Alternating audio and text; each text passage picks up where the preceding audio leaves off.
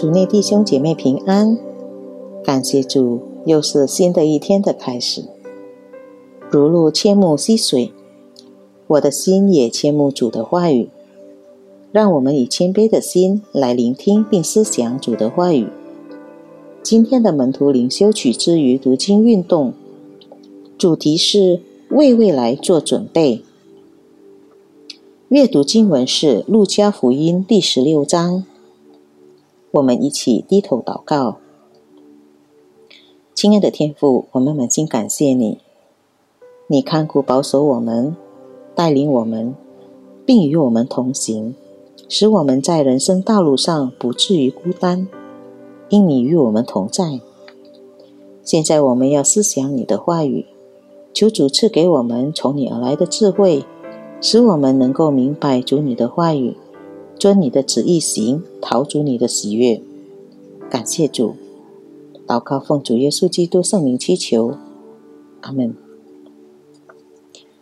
为未来做准备，仆人如何成为主人所信任的人？如果他负责任且诚实的完成任务，他当然会获得主人信任。一个被发现不易。或不负责任的仆人，将很难成为一个深受主人信任的人，甚至很有可能会被解雇。主耶稣教导他的门徒，为了能够在永存的住处里（天堂的描述）获得荣耀的财宝，他们必须事先成为世上托付给他们的钱财的好管家。主耶稣通过不义管家的比喻教导上述原则，因为那管家被发现浪费了主人的财物，所以他将被解雇。于是这位管家便以聪明的方式试图挽救他的未来。他叫了欠他主人债的人，然后通过更改欠账的内容。减少了他们的债务，以便在他被解雇后，那些欠他人情的人将他安置在他们的家里。这位管家的举动很狡猾，但他的主人则表扬了为自己的未来做好准备的那管家的聪明才智。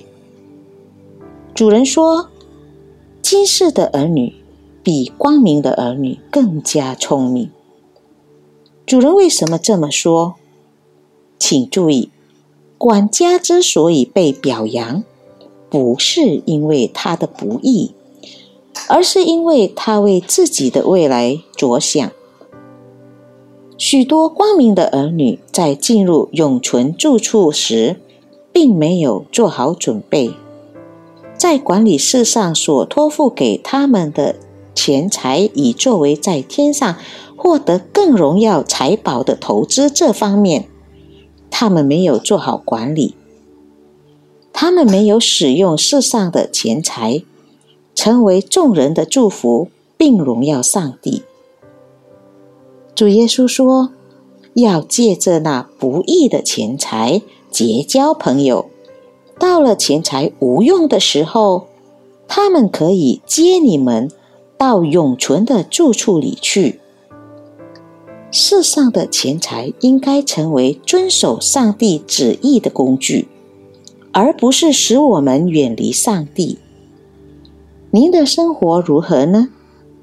您是否已使用了您的钱财来积极比世上的钱财更宝贵的天上财宝呢？我们一起祷告。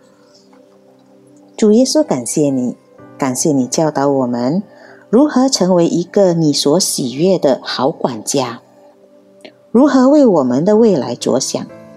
求主帮助我们，都能成为你合用的器皿，成为祝福的管道，为主发光，荣耀主名。感谢主，祷告奉主耶稣基督圣名祈求，阿门。主内弟兄姐妹再见。愿主的耶稣的爱与平安常与我们同在，阿门。